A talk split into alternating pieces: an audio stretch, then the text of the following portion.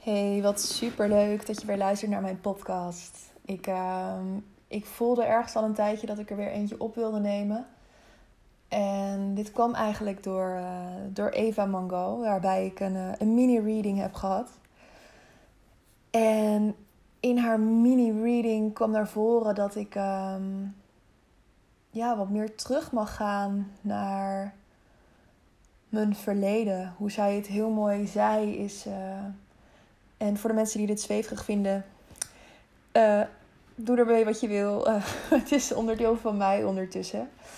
Um, ze zegt: Ik zie voor me dat je ja, kiezelsteentjes oppakt van een grindpad. En elk kiezelsteentje staat voor een gebeurtenis in je leven. En je mag die gebeurtenis dus wat meer onder de loep nemen om te kijken wat het je gebracht heeft. En um, nadat ik dit gehoord heb van haar, heb ik mijn laptop gepakt en voelde ik heel erg dat ik wilde gaan schrijven.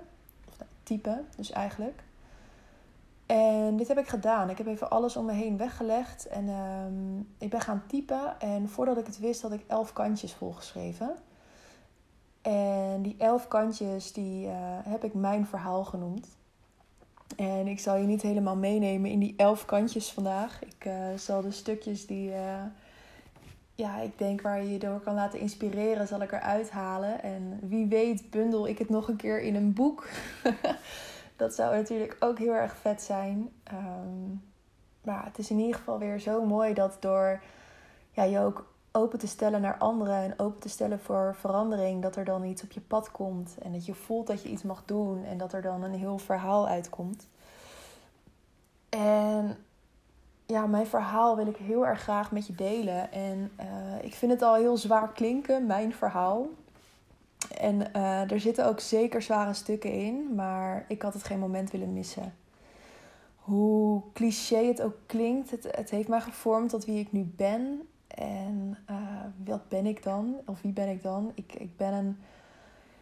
Ja, dit voelt heel gek om te zeggen, maar ik voel mezelf een sterke en onafhankelijke vrouw die eindelijk volledig zichzelf durft te zijn. En ja, dat zonder zich druk te maken om de mening van anderen. En ik ga nu zo erg mijn eigen pad, ik kies mijn eigen weg. En sinds ik dat doe, heb ik pas echt het gevoel dat ik leef. En dat gun ik jou zo enorm. En ook als je dit hoort, ik hoop dat het je inspireert om ook dat leven te gaan leven. En dat is precies de reden waarom ik ja, dit met je wil delen. En om je een beeld te geven van wat mijn verhaal dan is, wil ik je meenemen in de dingen die mij het meeste gemaakt hebben tot wie ik ben. Of gevormd hebben tot wie ik ben. En ik ga gelijk met de deur in huis vallen, want ik ga gelijk met de, de heftigste beginnen. En even een side note, ik doe dit totaal niet om medelijden te krijgen of te ontvangen. Of ik doe dit echt puur om je te laten zien dat, of laten horen eigenlijk, want je luistert, je ziet me niet.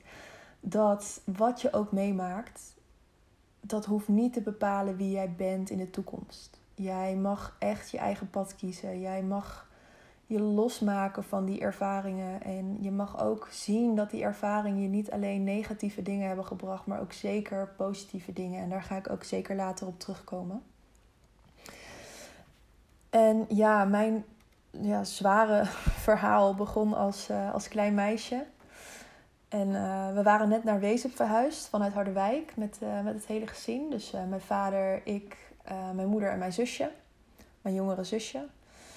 En uh, om je een beetje een beeld te schetsen, we wonen in een, rijtjeshuis vlakbij het spoor van Wezep en vlakbij het station. En uh, er zat uh, aan de voorkant van ons huis hadden altijd hele mooie bomen staan. Kamperfoeliestraat was het volgens mij. En achter ons huis was een, was een hele fijne speeltuin. En daar woonde bijvoorbeeld een man op de hoek. Dat, dat was echt zo'n buurman dat als je dan je, je bal over het hek heen schoot, dan stak hij hem lek.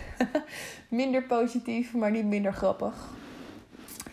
En um, ja, wat het heftige is aan dit verhaal is dat in dat speeltuintje, als ik als jong meisje heb ik daar mijn eerste uh, seksuele ervaring gehad, zonder dat ik het door had. Um, er was op dat moment een onbekende jongen, ik denk ja, als ik moet schatten hoe oud hij was, ik denk eind 20, begin 30. En um, die zat aan mij terwijl ik in zo'n schommelstoeltje zat. Zo'n wipstoeltje waar je, ja, als je er even te hard op heen en weer wiebelt, dat je dan jezelf eruit lanceert, zeg maar. Zo'n ding.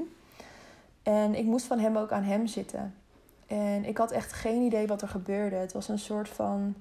Ja, achteraf heb ik me laten vertellen dat dit echt een out-of-body experience is geweest. En um, wat ik daarmee wil zeggen is dat ik niet in mijn lijf aanwezig was. Ik heb het ervaren, maar ik heb het niet echt ervaren. Ik, ik ervaar het nu pas. En met nu bedoel ik ook echt pas het afgelopen jaar. Dat ik nu pas voel wat ik daar heb meegemaakt. En dat is best wel intens. Um, ja, maar op dat moment ging het moment voorbij. En ik zat daar een beetje in de war te zijn. En uh, ik besloot dan toch maar weer naar binnen te gaan. Naar, uh, naar mijn moeder, gewoon naar, uh, naar huis. En um, ik weet nog dat ik toen helemaal niks tegen mijn ouders heb gezegd. Echt helemaal niks. En er gingen een aantal weken voorbij. En ja, tuurlijk heb je wel zelf een soort van door dat er iets niet in de haak is. Maar dat is meer een gevoel wat je niet echt kan beschrijven. En ik ben nu steeds meer met gevoel bezig. En misschien was het wel mijn intuïtie, misschien ook niet. Het, ja, het was in ieder geval niet, niet iets wat ik, waar ik bij kon. En wat ik me nog goed kan herinneren is dat er een vriendin van mijn moeder die kwam binnenlopen, of een buurvrouw, ik weet niet precies meer. En uh, die woonde een paar huizen verderop. En die vertelde dat een jongen. En hoe ze hem omschreef, was precies de jongen die mij dat had aangedaan.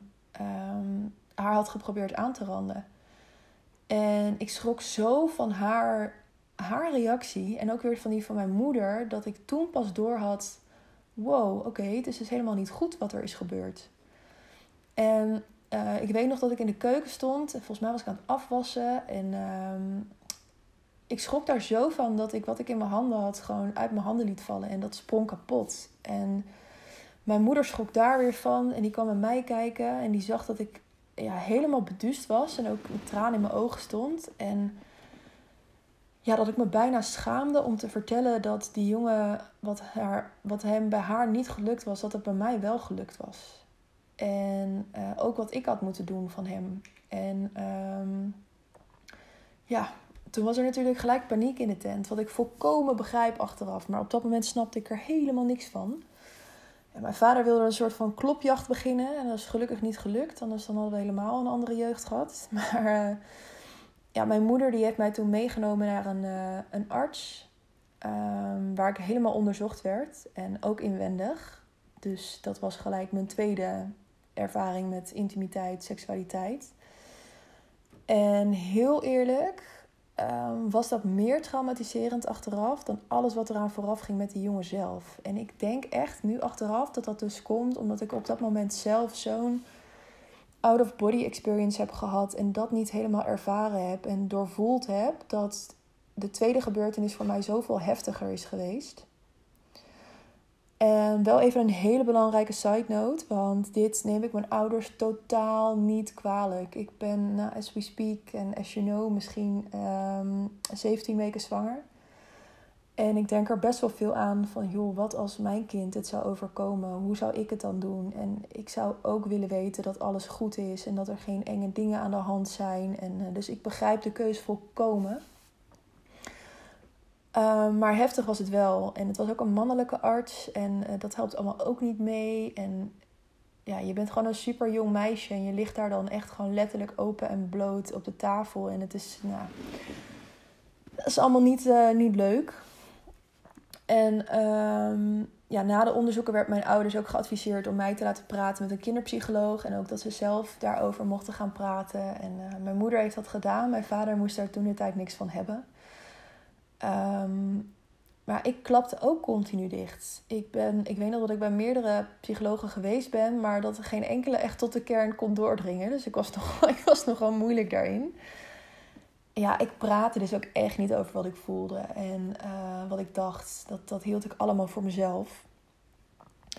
En um, ja, uiteindelijk hebben we besloten met gezin om weg te gaan uit Wezep. We hebben daar een, uh, een jaar gewoond. En ja, er is zoveel gebeurd in dat jaar dat we dachten van nou, we moeten hier gewoon weg. We moeten weer naar een, een, een omgeving die gewoon weer ja, clean is, om het zo te zeggen. Um, maar ja, achteraf weet ik natuurlijk dat dat niet je problemen oplost. Maar ja, een omgeving waar je je fijn in voelt, is natuurlijk wel heel erg prettig.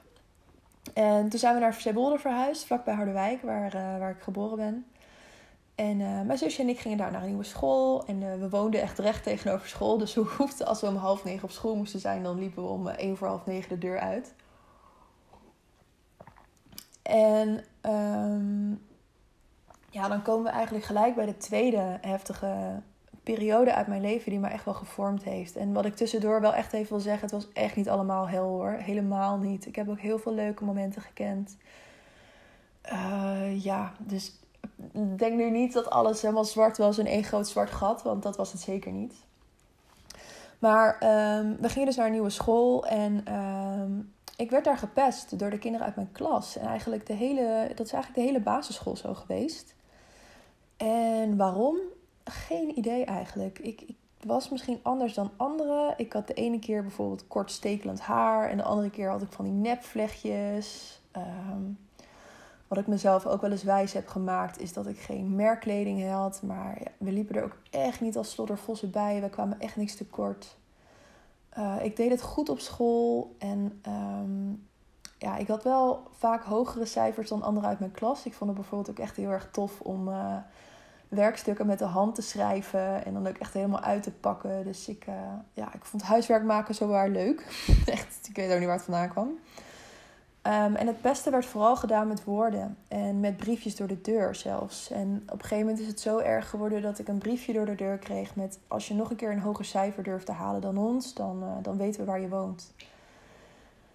En dat heeft echt wel wat met me gedaan. En daar denk ik nog best wel vaak aan terug. En ook nu ik die, nu die kleine verwachtte, dat ik denk... oh, maar ik, dat zou ik zo voor haar anders willen. En ik hoop ook dat ik daar, dat haar echt mee kan geven dat oh, dat ze zo er mannetje mag gaan staan. En uh, ja, het lijkt me gelijk het mooie, maar ook het super spannende aan het opvoeden.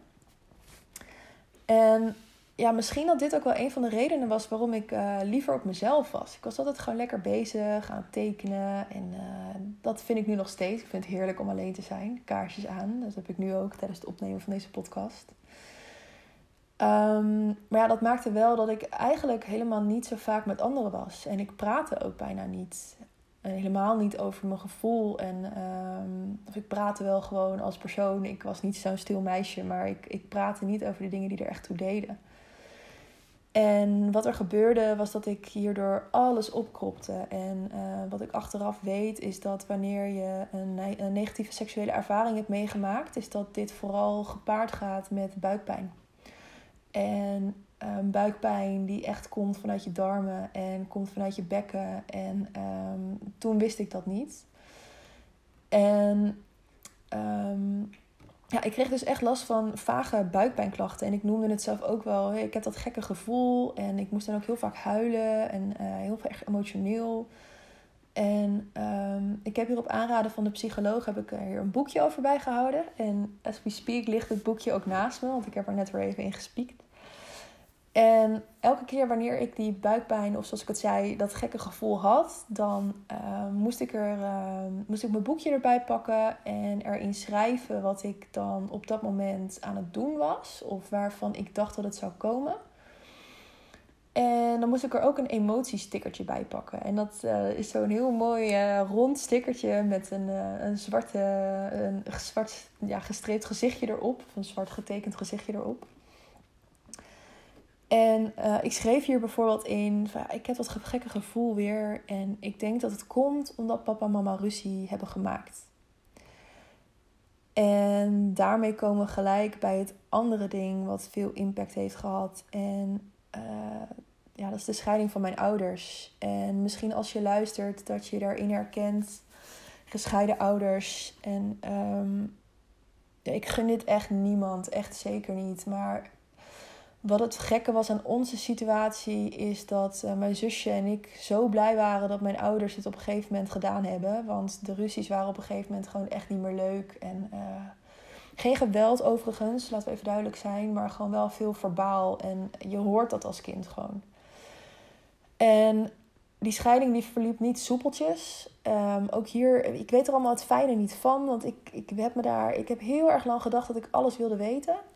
Maar ik heb mij daar sinds een jaar of drie bij neer kunnen leggen. Dat ik zoiets had van oké, het is zo. En het gaat er veel meer om dat we zometeen met elkaar weer door één deur kunnen. Dan dat ik er het fijne van weet en uh, ja, ga lopen graven. Dat heeft helemaal geen zin. En ja, tijdens de scheiding weet ik dat er wel veel verdriet was. En dat uh, mijn zusje en ik er middenin zaten, maar wel zoveel mogelijk erbuiten werden gehouden. En we gingen nog steeds naar dezelfde school en we konden gewoon blijven volleyballen. Dus mijn ouders hebben het echt goed geregeld voor ons. En ze hadden het ook zo geregeld dat mijn vader die zou uh, uiteindelijk ons huis overnemen. En um, als dat nog niet rond was, dan zou dat huis eigenlijk, en dat klinkt heel stoer als jong meisje, zou dat huis eigenlijk van mij en mijn zusje zijn. Dus uh, waar vaak zo is dat in het begin de uh, kinderen dan om het weekend ergens anders zijn, of maar net hoe de voogdij geregeld is. Uh, waren mijn ouders om het weekend bij hun eigen ouders. En mijn zusje en ik hadden als basis ons ouderlijk huis. En um, vanuit hier kon mijn moeder dan ook op zoek naar een eigen woning. En ja, als ik kijk naar de reden, ergens wist ik al wel dat het vooral met financiën en niet communiceren met elkaar te maken had. En dit werd steeds duidelijker. Um, ja, mijn vader nam na een tijdje het huis over en um, dat werd zijn plekje samen met zijn nieuwe vriendin, inmiddels zijn nieuwe vrouw. Waar mijn zusje en ik het overigens echt super goed mee kunnen vinden. Ze heeft echt nooit geprobeerd om onze moeder te zijn. En uh, ze was er eerder voor ons dan voor, uh, voor onze vader. Dus hierin gelukkig geen assenpoester verhaal daar hebben we het echt mee getroffen. En ook niks ten nadele van mijn moeder. En ze is ook altijd heel aardig tegen mijn moeder geweest. Uh, is er nog steeds. Dus dat hebben we echt, nou, daar zijn we super blij mee. Ja, en mijn vader die had dus het huis. Um, maar het huurhuis waar mijn moeder en mijn zusje en ik zouden gaan wonen, dat werd nog gebouwd. En um, ja, dit, dit weten heel weinig mensen van ons. En ik heb me hier heel lang voor geschaamd, maar ik weet dat het echt onzin is. Uh, in die tussentijd hebben mijn moeder, mijn zusje en ik met z'n drietjes op een, uh, op een camping in Zeewolde gewoond. Um, de eerste drie maanden, uh, we hebben in totaal zes maanden daar gewoond. En de eerste drie maanden in een caravan. En toen het kouder werd, nog drie maanden in een huisje op diezelfde camping. En wat hier wel super fijn aan was, is dat we vanuit hier gewoon naar onze, onze school konden. We konden gewoon gaan trainen. We volleybalden allebei. Um, ja, dus dat is super fijn. En ik weet alleen wel dat ik nog nooit iemand mee naar huis nam. Want het voelde niet echt als thuis. En wat ik al zei, ik schaamde me er ook een beetje voor. Um, ja, en dat het om financiële problemen ging, werd al snel meer duidelijk. Um, mijn moeder die kwam op een gegeven moment in de, in de schuldsanering terecht. En uh, we stonden ingeschreven bij de voedselbank. En toen de tijd had ik echt geen idee wat dat betekende. Ik, um, uh, ja, natuurlijk wist ik wel dat vaak bij ons het antwoord was: daar hebben we geen geld voor. Maar ja, dan deelden mijn zusje en ik daarmee. En dan gingen we gewoon op zoek naar dingen die wel konden. En um, ja, zo deden we dat.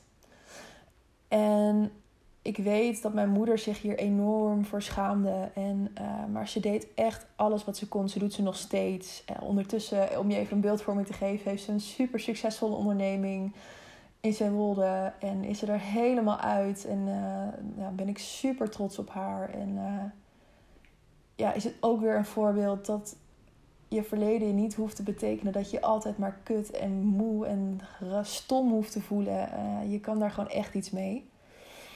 En nog wel heel belangrijk, mijn zusje en ik kwamen echt niets tekort. Hoe, hoe zwaar we het ook hadden financieel. mijn, zusje konden alles, mijn zusje en ik konden alles altijd blijven doen.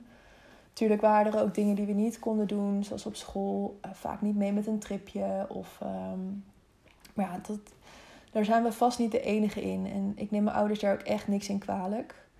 Uh, om je een beetje een beeldvorming te geven. Mijn ouders waren 21 toen ze mij kregen. En dat zou betekenen dat ik nu een kindje van 6 zou moeten hebben. Ja, dat had ik echt niet getrokken hoor. Ik, uh, ik voel me nu zelf nog een kind. En um, ja, het waren zelf dus ook nog kinderen. Jong, onvolwassen ook wel. Zoekende in het leven. En deze periode is voor hen net zo leerzaam geweest als voor mij. En ook zij zijn er beter uitgekomen. Het beeld wat ik net al een beetje schetste. Ja, en ondertussen ging mijn leventje gewoon door ook. Hè. Ik, ik werd ouder, ik ging naar de middelbare school. En uh, ik moest gaan nadenken over wat ik later zou willen. Uh, ik volleybalde op een leuk niveau. Ik heb uh, heel lang op de topdivisie gespeeld. En ik was er ook best wel goed in. Maar ik was ook mega onzeker. En die onzekerheid is eigenlijk altijd de rode draad in mijn leven geweest. Um, en dat komt in een later stukje nog een keer voor. Maar dat is echt, dat is zo'n zo'n groot ding bij mij in mijn leven geweest. Waar ik heel erg dankbaar voor ben dat ik dat heb mogen oplossen. Uh, een, ding waar ik bijvoorbeeld heel erg onzeker over was, is: oh, wat wil ik met mijn leven? En uh, dat klinkt natuurlijk heel erg logisch voor iemand van, uh, die aan het studie of aan het, in de middelbare school zit. En ja, ik wist het echt niet. En ik weet nog dat ik um, in de volleybal bijna nooit ergens last van had. En totdat ik een keer mijn enkelbanden scheurde tijdens een training. En toen kwam ik bij een fysiotherapeut terecht. En die nam me helemaal mee in hoe alles werkte. En wat uh, ons plan zou worden. En dat vond ik zo interessant dat ik dacht, oh, dat wilde ik later ook doen. Ik wil alles van het menselijk lichaam weten en ik wil met sport bezig zijn, uh, want dat was iets waar ik goed in was. En met die oogkleppen op ben ik de laatste jaren van mijn middelbare school ingegaan. En um, ja, nogmaals, het is echt niet allemaal zwart en kommer en kwel hoor. Maar de, de middelbare school is ook een periode die ik graag een keer over zou willen doen, maar dan zou ik het heel anders aanpakken. Ik, ik had in deze periode geen idee wie ik was en wie ik wilde zijn. Ik had nog de, de scars zeg maar, van um, het gepest worden op de basisschool. Ik weet nog wel dat mijn moeder um, had aangevraagd dat um, we de meiden die mij gepest hadden en de jongens die mij gepest hadden, dat we niet met elkaar in de klas zouden komen. En dat is goed gegaan, gelukkig. Ik neem heel even een slokje. Maar ja, ik had dus nog steeds geen idee wat ik wilde zijn ook. En ik dacht dat ik bij de populaire meisjes wilde horen. Maar hier werd ik alleen maar meer onzeker van. En ik ging me anders voordoen dan wat ik eigenlijk was. En ik had een soort van masker op, zo noem ik het wel eens. En ik praatte heel erg met anderen mee. En ik durfde mijn eigen mening niet te geven. Want ja, wat als ik weer gepest zou worden? Wat als anderen me raar zouden vinden? Ja, dat moest ik echt niet hebben. En nu achteraf weet ik dat ik mezelf zo enorm tekort heb gedaan. Ik, ik was zo bezig met het iemand willen zijn voor de ander dat ik echt totaal niet door had dat ik ja, totaal niet mijn eigen leven aan het leven was. En ik was me continu bewust van hoe ik me gedroeg, wat ik, wat ik aan had, uh, wat ik zei. Of zelfs over hoe ik in de klas zat. Uh, moet ik nu wel met mijn benen over elkaar gaan zitten? Want dat doet zij ook niet. En moet ik nu wel. Nou, echt onzeker over alles. En vooral mijn uiterlijk ging een hele grote rol spelen. Ik, uh, ik had weinig vormen. Ik was best wel een latje.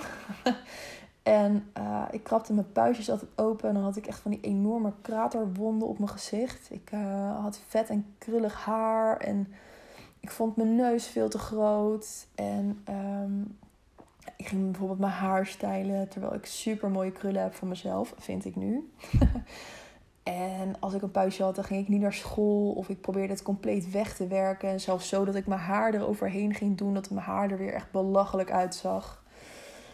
En um, eten bijvoorbeeld deed ik ook liever niet in het bijzijn van anderen. Want uh, daar zouden anderen dan ook zomaar zijn mening over kunnen hebben. Of dan zou ik een opmerking kunnen krijgen dat ik te dik zou zijn. Of ja, en vooral dat laatste. Het eten is bij mij echt een groot ding geweest. En achteraf vind ik het helemaal niet raar. Want ik weet nu dat eten voor mij zo'n uitweg is geweest. Uh, om dingen niet te hoeven voelen en om gedachten uit de weg te gaan.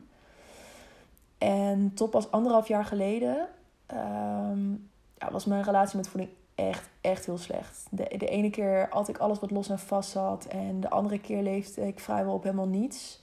Of op een kopje soep. En um, daar ging ik dan ook gewoon op trainen. Super gezond voor je lichaam. Not. En wanneer ik me shit voelde, en het was best wel vaak, dan, ja, wat ik net al zei, dan at ik om maar niet alleen te hoeven zijn met mijn gedachten. En dit was tijdens mijn studie op zijn hevigst. Uh, want ik heb mijn middelbare school uiteindelijk gehaald. Werd ik ingelood voor de studie fysiotherapie, zoals jullie weten. Uh, dat ik in de eerste podcast uh, laten weten. En ik ben toen heel erg snel op kamers gegaan. Onder het mom van dat is super handig, want dan woon ik dicht bij school. Maar als ik heel eerlijk ben, dan was het meer om weg te zijn van alles thuis weg te zijn van alle negativiteit. Weg van de ruzies tussen mijn ouders die er soms nog waren. En uh, dat ik moest gaan kiezen bij wie ik wel of niet wilde gaan wonen. Ik was er zo klaar mee en ik wilde het allemaal zelf doen. En uh, dit deed ik. Ik, uh, ik was 18 en ik heb mijn spullen toegepakt en ik ben naar Utrecht vertrokken. En nog steeds zonder te weten wie ik zelf nou eigenlijk was, wie ik wilde, wat ik wilde. En helemaal ontwetend hoe ik het financieel zou gaan doen. Want dat voorbeeld had ik nooit echt gehad. En ja, achteraf is dit natuurlijk gewoon echt geen ideale startsituatie. Maar ik dacht, ik ga allemaal nieuwe mensen ontmoeten. En uh, mensen die me niet kennen. Dus bij wie ik helemaal fris kan starten. Maar zoals ik al zei, ik had echt geen idee wie ik was. En ik was altijd bezig geweest met hoe ik me moest gedragen zonder zelf ja, mijn eigen ding te ontwikkelen, mijn eigen ik te ontwikkelen. En ik merkte dan ook hier weer dat ik me enorm ging optrekken aan de mensen waarvan ik dacht dat ze wel uh, tof en zelfverzekerd zouden zijn. En als ik dan net zoals hun zou zijn, dan zou het bij mij ook helemaal goed komen. Maar uh, ja, zo werkt het dus niet. Het was uh, zeg maar middelbare school all over again. En uh, ik begon me weer heel erg terug te trekken op mijn studentenkamertje. En ondertussen had ik nog steeds die vage klachten in mijn buik. Veel emoties, zorgen. Uh, mijn financiën en mijn studie, dat vond ik echt heel erg moeilijk. En het feit dat ik me best alleen voelde en nergens echt mijn plekje kon vinden, dat hielp ook niet echt mee. En zoals je misschien al een beetje kunt horen aan het verhaal zelf, is dit ook echt wel een beetje de start geweest van mijn, uh, van mijn depressieve periode, die ik uh, in mijn eerste podcast ook al benoemd heb. En um, ja, in die negen jaar die ik nu in Utrecht woon, en nu ik dit zeg, denk ik: holy shit, dat is echt al heel lang. heb ik ongeveer zeven verschillende studentenwoningen gewoond. En ik kon ook nergens landen. En elke keer als ik ergens of juist een te, heftige band kreeg met iemand. Of dat ik dacht, nee, ik wil dit niet meer. Dan ging ik weg. En uiteindelijk had ik gelukkig een plekje voor mezelf. Waar ik echt veel te veel voor betaalde. Maar ik had uiteindelijk een studio. En dat was echt heel erg fijn. En in het begin van mijn studie was ik alle weekenden in Zeewolde. En ehm, mijn vader was ondertussen dus getrouwd en had twee kids. Dus het zijn officieel onze halfzusjes. Maar uh, zo voelt het niet.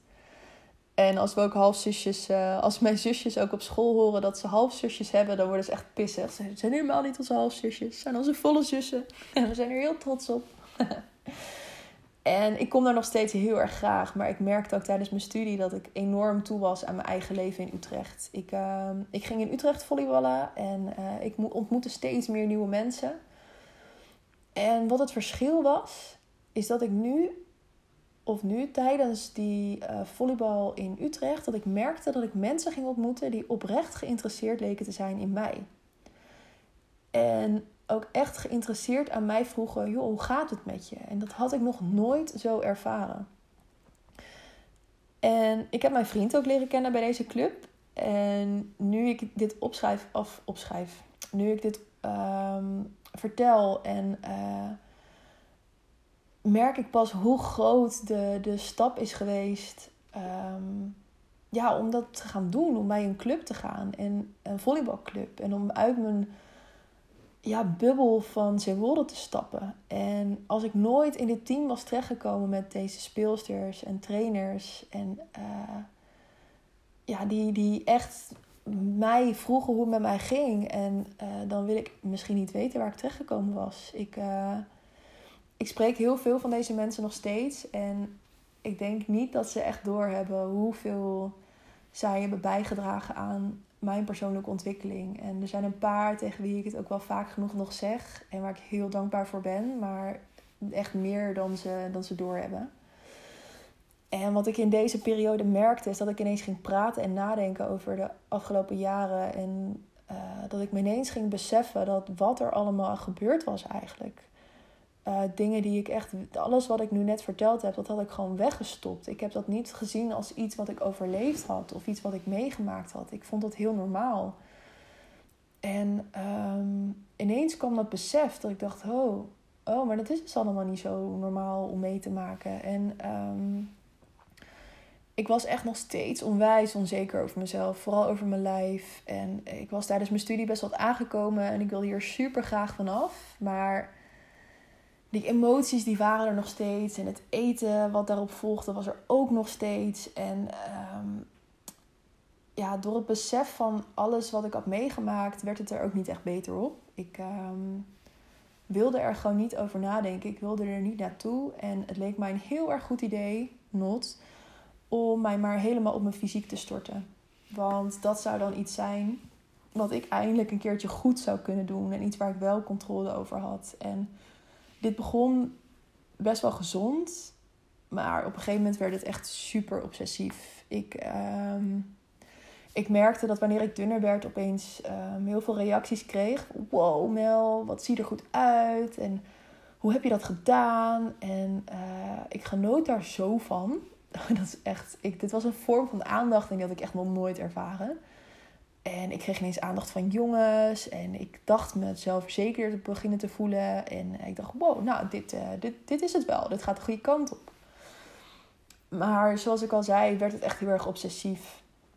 Ik, uh, ik was op een gegeven moment uh, eh, 10 kilo kwijt. En om even een beetje een beeldvorming te geven, ik ben 1,82. En op een gegeven moment woog ik, uh, toen ik begon wonen, woog ik 87 kilo. En toen ik ehm, nou, die 10 kilo kwijt was, woog ik nog 78 kilo.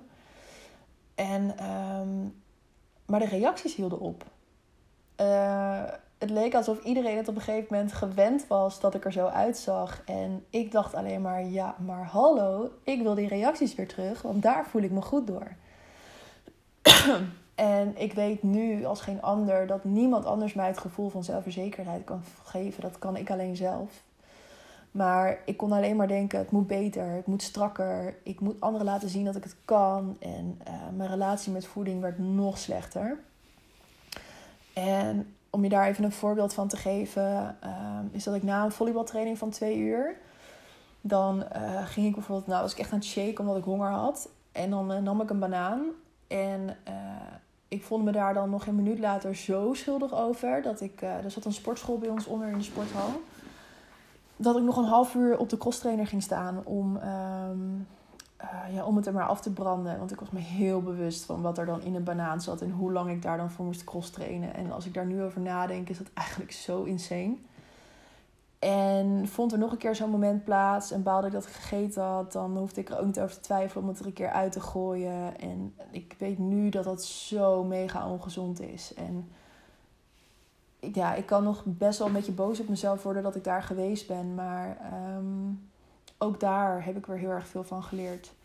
En ik weet nu dat het echt mega, mega, mega ongezond is. En toen ik daar. Ik deed toen alles om aandacht te krijgen. Ik uh, deed bijvoorbeeld delen van mijn voor- en na-foto's op social media. Uh, via Personal Body Plan wat ik deed. En wauw, dit deed ik echt niet omdat ik super trots was op mezelf. Helemaal niet. Maar dit deed ik echt puur voor de reacties, voor de likes. En heel even een slokje tussendoor. Want um, ja, dat gaf mij het gevoel dat ik erbij hoorde. En dan was ik iemand. En dan zouden mensen mij zien staan. En, maar op een gegeven moment hielpen de reacties die ik op kreeg ook niet meer. Want ik kreeg nu zelfs reacties als... Um, joh Mel, is het niet een keertje genoeg zo? En waarom post je die foto's? En gaat het wel met je? En dan moet je er niet een keer over praten. En dit maakte mij nog meer onzeker dan ik al was. Ik begon weer onwijs aan mezelf te twijfelen. Uh, ben ik wel goed genoeg? Wat kan ik eigenlijk wel? Um, ik kan niet eens voor mezelf zorgen. Uh, ik kan niet eens ja, de waardering krijgen van anderen die ik wil. En nou, dat, dat zijn even een, greep uit de gedachten die, eh, die continu door mijn hoofd gingen. En in de tussentijd had ik ook wel mijn diploma fysiotherapie gehaald, zoals jullie weten. En uh, in zes jaar in plaats van in vier. en ik ging gelijk aan de bak. Ik kon gelijk beginnen met vijf dagen werken en uh, zaterdag bij een sportclub aanwezig zijn. En um, het enige wat voor mij verwacht werd, is dat ik zou stoppen met volleyballen. En dat ik de avonden en de zaterdag dus uh, beschikbaar zou zijn. En van studeren en um, gewoon lekker vier keer in de week trainen. En uh, die wel dat sociale daarvan hebben, ging ik naar de nieuwe situatie. En dat was maandag tot en met zaterdag aan het werk als fysiotherapeut. Uh, geen sociale contacten meer nog steeds en misschien wel meer onzekerheid over alles. Want ik begon ook te twijfelen of ik mijn werk wel goed deed, of ik het wel kon. Um, ja, of ik het wel begreep wat er allemaal gebeurde. En om maar niet te hoeven nadenken over dit alles, uh, ja, ben ik doorgegaan en nog wel erger geworden met mijn obsessiviteit rondom voeding. Als obsessiviteit een woord is. en anders meer obsessief ehm, mijn voeding bij gaan houden. En ging ik daarnaast vijf keer in de week naar de sportschool. En wat ik me nog heel erg goed kan herinneren is dat ik op een gegeven moment dacht: Oh jeetje, is dit het nou? Is dit nou het volwassen leven waar iedereen altijd zo naar uitkijkt? Want ik verdiende geen pepernoot als fysiotherapeut. Ik werd alleen maar meer onzeker van mijn werk. Ik was continu moe en ongelukkig. Uh, mentaal en fysiek was ik helemaal opgebrand. Natuurlijk gaf ik dit niet toe, want opgeven hoort er niet bij natuurlijk. En um, ja, wat ik al zei, is ik heb mijn vriend ook leren kennen in Utrecht. En wat ik ook al zei, het is niet allemaal heftig en zwart. Want uh, inmiddels woon ik met hem samen. Uh, met de vriend die ik bij de volleybal heb leren kennen. En op het moment dat ik deze podcast opneem, ja, zijn we al bijna zeven jaar samen. En uh, krijgen we dus ons eerste kindje. Dus we hebben een hele rit gehad. en ja, in het begin van onze relatie was ik nog vrolijk, dacht ik, studeerde ik nog, was ik veel weg om te trainen en zagen we elkaar op de volleybal ook heel veel. Ik ging nog wel eens uit, ik vond het heerlijk om te dansen. En uh, toen ik begon met werken werd het allemaal anders. Ik, ehm, ik zat meer thuis, ik was veel met mijn werk bezig en ik stortte mezelf dus helemaal op voeding en de sportschool. En we, en in eerste instantie hij, merkte al heel snel dat het vuurtje een beetje begon te doven. Ik was dus, wat ik al zei, continu moe, chagrijnig. Ik ging de deur bijna niet meer uit. Uh, ik had geen zin in verjaardagen. Uh, ik werd onaardig tegen hem, maar ook bijvoorbeeld tegen mijn familie en tegen vrienden. Ik, uh, ik was heel erg kortaf en bot. En eh, wanneer mijn vriend aan me zag dat ik niet lekker in mijn vel zat, dan eh, dan vroeg hij aan het begin nog aan me van wat er aan de hand was. En ik antwoordde dus altijd met uh, nee, niks. Of laat maar. Of ik ben moe. En ja, daar kan hij natuurlijk ook geen reet mee. Dus hij vroeg het na een tijdje gewoon niet meer. En helemaal terecht. En na anderhalf jaar, misschien wel twee op deze manier te zijn doorgegaan, ging het echt wel knagen aan onze relatie. En zoals ik in de eerste podcast ook heb verteld, is dat we in maart 2017 op vakantie zijn geweest naar uh, Kaapverdië. En um, ja, om je een beeld te geven van onze relatie, we zijn echt twee tegenpolen van elkaar. En we zijn, mijn vriend is echt onwijs content met wie die is. En uh, die maakt zich totaal niet druk om wat anderen van hem vinden. En, of hij laat dat niet zien, vooral. en ja, hij heeft plezier in wat hij doet. Hij is succesvol in wat hij doet. En als hij ergens over twijfelt of iets, dan dan laat hij dit echt niet merken of hij bluft het gewoon keihard. dat kan natuurlijk ook. En dit, ik was hier echt zo enorm jaloers op. En ondertussen ehm, levelen we daar heel mooi in. En het verhaal over Kaapverdië kennen jullie inmiddels wel. Daar is echt het roer gedraaid. Ik uh, durfde eindelijk uit te spreken dat ik me echt ongelukkig voelde. En uh, dit is echt de start geweest uh, voor ja, mijn persoonlijke ontwikkeling. En um, ja, wat we daar hebben besproken is dat ik echt met mijn gevoel aan de slag moest gaan. En um, dat ik moest gaan praten met iemand. Of met hem. Of met een ander. En na lang twijfelen en uitstellen. En heel veel omwegen ben ik dus uiteindelijk bij een psycholoog terechtgekomen. En ik ben in totaal een stuk of zes, zes, vijf, zes keer bij haar geweest. En we zijn bezig geweest met cognitieve gedragstherapie. En uh, dat is eigenlijk het onderzoeken van je gedachten en je belemmerende, niet helpende overtuigingen. En um, ja, ik had een bepaald beeld van mezelf en van de wereld zoals ik die dacht dat die zou moeten zijn. En ik paste daar niet in, voor mijn gevoel. En wat ik van haar heel erg geleerd heb, is dat mijn gedachten niet de waarheid zijn. En, en dat ik dingen echt voor mezelf mag gaan doen in, in plaats van het pleasen van anderen. Want um, ja, een van de dingen die zij, en dat zeg ik ook wel vaker, wat zij tegen mij gezegd heeft, is je bent vervangbaar. En dat vond ik zo'n rare zin, maar ga er maar eens over nadenken als jij dat hoort. Uh, je bent vervangbaar, wat dat dan betekent. En um, ik kwam er vooral achter dat ik tot nu toe alles wat ik deed, en dan bedoel ik echt alles, nooit voor mezelf heb gedaan, maar voor, altijd voor de ander. Of voor het ideaalbeeld wat ik in mijn hoofd had van ehm, hoe een succesvol persoon zou moeten zijn. En gedachten die ik onderzocht heb waren, ehm, om je een paar voorbeelden te geven, ik, ik kan en mag pas gelukkig zijn als ik een strak lichaam heb. Dat was voor mij een hele belangrijke. Ehm, of er zal wel iets mis met me zijn, anders werd ik vroeger ook niet gepest. Um, ik, moet, ik moet keihard werken om erbij te horen. En nou ja, zo kan ik nog wel door blijven gaan. uh, maar dit zijn allemaal gedachten die ik als waarheid had aangenomen. En, en waar ik voor ja, bewijzen voor ben gaan verzamelen. En mijn kijk op de wereld en op mezelf waren zo enorm negatief dat ik al het moois gewoon niet kon zien. En um, ja, ik heb gewoon heel erg gemist inderdaad dat mijn vriend er al die tijd voor me was bijvoorbeeld. Of dat mijn ouders me probeerden te helpen. En uh, ik heb dat gewoon allemaal kort gehouden. En zoals ik in de eerste podcast ook al zei, is dit en deze gesprekken zijn echt de start geweest van mijn persoonlijke ontwikkeling. En hoewel de dingen die ik in de afgelopen 40 minuten alweer heb benoemd niet echt positief zijn, kan ik er wel heel veel dingen uithalen. Zo ben ik bijvoorbeeld um, snel zelfstandig geworden en heb ik ook al heel vroeg geleerd hoe ik voor mezelf moet zorgen. Ik, uh, ik was en ben er altijd voor anderen. Uh, en dat heb ik ook heel erg fijn kunnen doorontwikkelen um, in mijn werk als fysiotherapeut, maar helemaal nu in mijn werk als coach. Want zoals je weet werk ik ondertussen niet meer als fysio. Ik, ik observeer graag, ik kijk graag naar anderen en waar ik eerst mega onzeker van werd, zie ik nu als een bron van inspiratie en gezonde motivatie.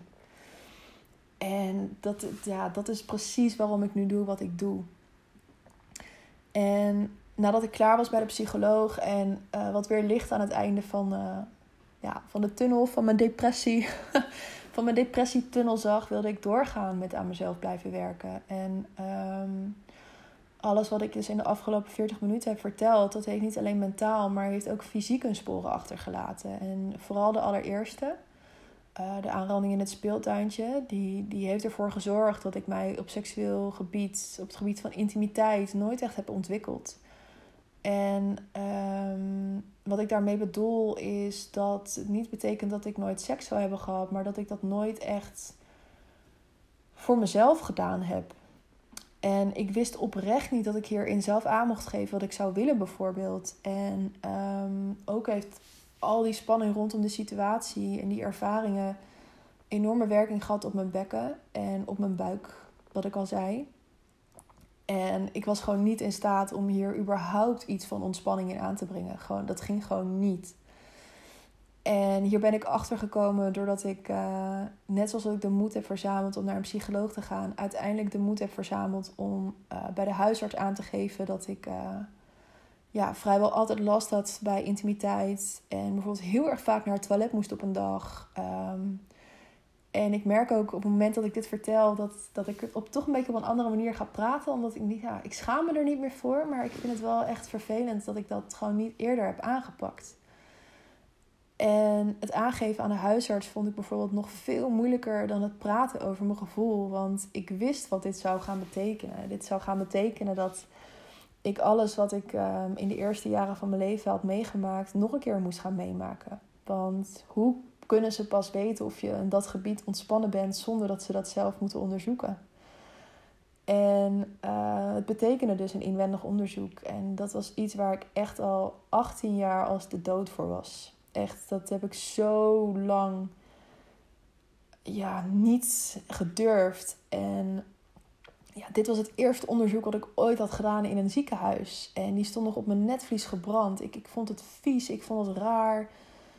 En ik wilde niet dat een onbekend persoon mij daar ooit nog aan zou raken. Ik had daar zo'n aversie tegen. Maar ook wist ik dat dit een stuk zou zijn waar ik nog zoveel op kon halen. En um, ik heb toch de stap gezet, ondanks dat ik het echt mega, mega eng vond. Um, maar ik had toen een huisarts en die was, uh, uh, was een vrouw van mijn leeftijd. En um, toen ik daar was om aan te geven dat ik uh, problemen heb gehad en dat ik er heel erg tegen opzag, stelde ze het voor om niet een nieuwe afspraak te maken, maar om het gelijk te doen. Uh, ze had net de patiënt daarna had net afgezegd. En uh, ze zegt, zo hoef je er thuis ook niet over te piekeren. En uh, heb ik gewoon even alle tijd voor je. En je kent me nu, dan hoef je ook niet weer opnieuw naartoe te komen. En ik had namelijk al een keer een aantal maanden ervoor een afspraak gemaakt. En toen had ik heel sneaky gebeld dat ik niet kon. Iets met er nog niet klaar voor zijn. Maar toen het onderzoek klaar was en ik naar buiten liep, voelde ik me echt super kwetsbaar. Maar ook heel erg sterk tegelijk. Want fuck it, dit had ik gewoon even gedaan. En uh, ik had mijn angst overwonnen en ik ging ermee aan de slag. En um, zo, heeft de huis, zo heeft de huisarts mij bijvoorbeeld doorgestuurd naar een bekkenbodemtherapeut. En wow, dat was echt, dat vond ik zo spannend. Ik, uh, want als er één therapeut is die juist inwendig werkt, dan is het uh, de bekkenbodemtherapeut. Maar ik heb een hele uitgebreide intake met haar gehad, waar ik echt ruim de tijd kreeg. En uh, ze ook echt de tijd voor mij heeft genomen. En um, ja, ik, ik, was deze keer al veel meer ontspannen en ik kon het ook meer toelaten. En um, ook echt chapeau voor, een, voor die therapeut die ik had. Want zij heeft me dat gevoel gegeven uh, dat het veilig was. En um, daardoor zijn we daar gewoon mee aan de slag gegaan. En ik ben daar ook zo'n zes, zeven keer geweest. Met als resultaat dat ik nu gewoon... Ja, nu helemaal niet meer, want ik ben nu zwanger. Dus ik moet nu echt weer mega vaak naar het toilet. Maar ik had geen vage buikpijnklachten meer. Ik had niet meer dat rare gevoel. Ik had geen pijn meer. Ik... Uh, ja... Echt, ik had het zoveel eerder moeten doen. En daarmee hoop ik je ook echt echt te inspireren. Dat als je daar ergens mee zit en hoe gênant en moeilijk je het ook vindt om daarover te praten, je doet jezelf zoveel tekort. Je verdient echt beter dan dat. Dus um, ja, neem daarvoor iemand in vertrouwen, zou ik zeggen. En ja, doe, doe er iets mee. En echt niet dwingend, maar ik had het echt zoveel eerder moeten doen. En zo ben ik in een jaar tijd bijna al mijn problemen aangegaan. En ben ik mijn laatste ja, in de struggle beland die jullie kennen uh, over mijn werk.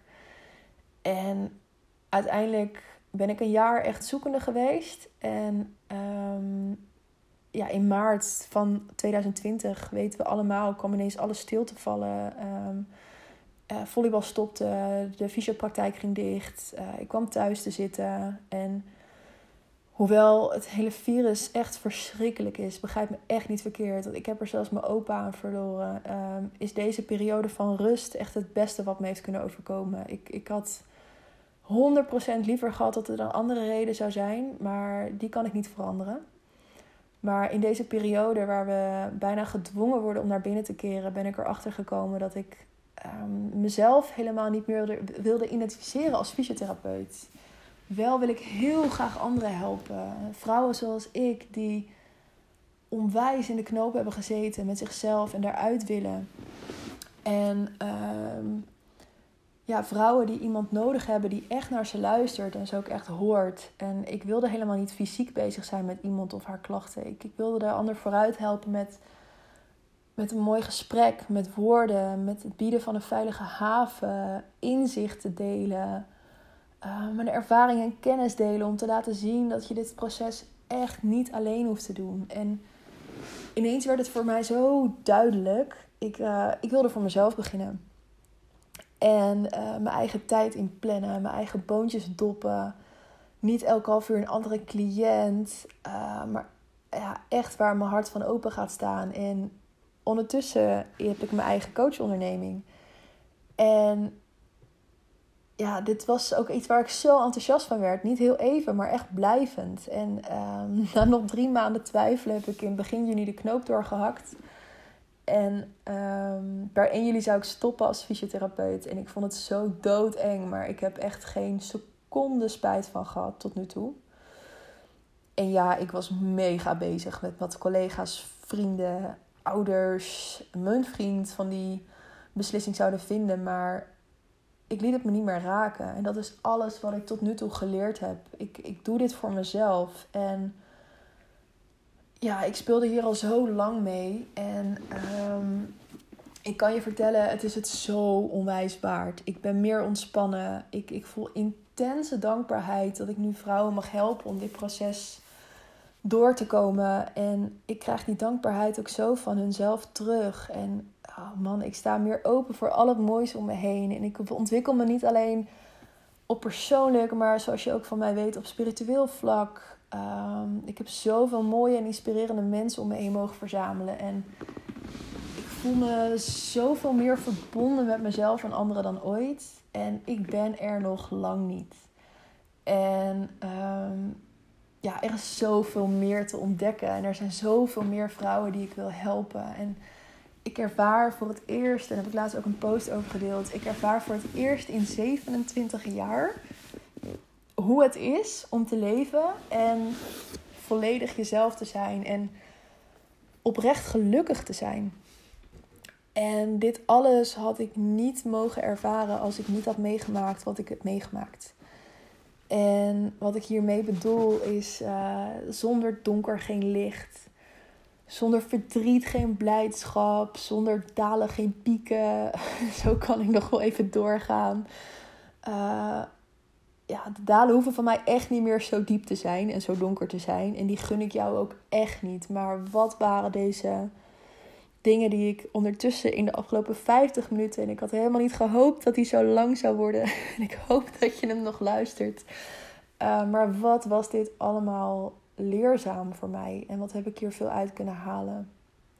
En ik hoop je oprecht met mijn verhaal te inspireren om je eigen pad te kiezen, ongeacht wat anderen ervan vinden. En knoop je echt tussen je oren dat jij er mag zijn zoals je bent. En jij mag je unieke ruimte op deze aardbol pakken en volledig in je licht en in je kracht gaan staan. En, durf jezelf te ontwikkelen als persoon. En ook wel kritische vragen aan jezelf te stellen. En ja, durf mensen te verliezen, hoe zwaar dit ook klinkt. Als je merkt dat ze niet meer bij je passen. Of een baan waar je je aan vasthoudt zonder dat je er plezier in hebt. En die kritische vragen, ja, stel jezelf eens de vraag: wat wil ik nou echt? Waar heb ik behoefte aan? En geef daar dan eens aan toe. En ehm, ja, ik kan je echt verzekeren dat het heerlijk voelt. En dat gevoel ben jij ook helemaal waard. En dat gun ik je enorm. Um, ja, weet dat je altijd bij mij welkom bent. En ik ben heel erg graag de persoon die hiermee kan helpen. Maar weet ook dat je helemaal vrij bent om uh, daar een andere coach in te zoeken. Maar neem iemand bij de hand om dit proces met je te doorlopen. En um, ja, daar wil ik hem mee, uh, mee afsluiten. Ik, ik vind het heel bijzonder om dit met je te mogen delen. En ik vind het super leuk om te horen uh, of jij je herkent in mijn verhaal. En ja, laat vooral een reactie achter. En um, dat kan als reactie onder de podcast. Uh, maar het kan ook via mijn Instagram. Of via mijn site. En die zal ik even onder de podcast vermelden. En voor nu super bedankt voor het luisteren. Ik hoop dat je het uh, bijna 54 minuten hebt volgehouden. Ik ja, ben je daar al heel erg dankbaar voor. Liefs en tot de volgende.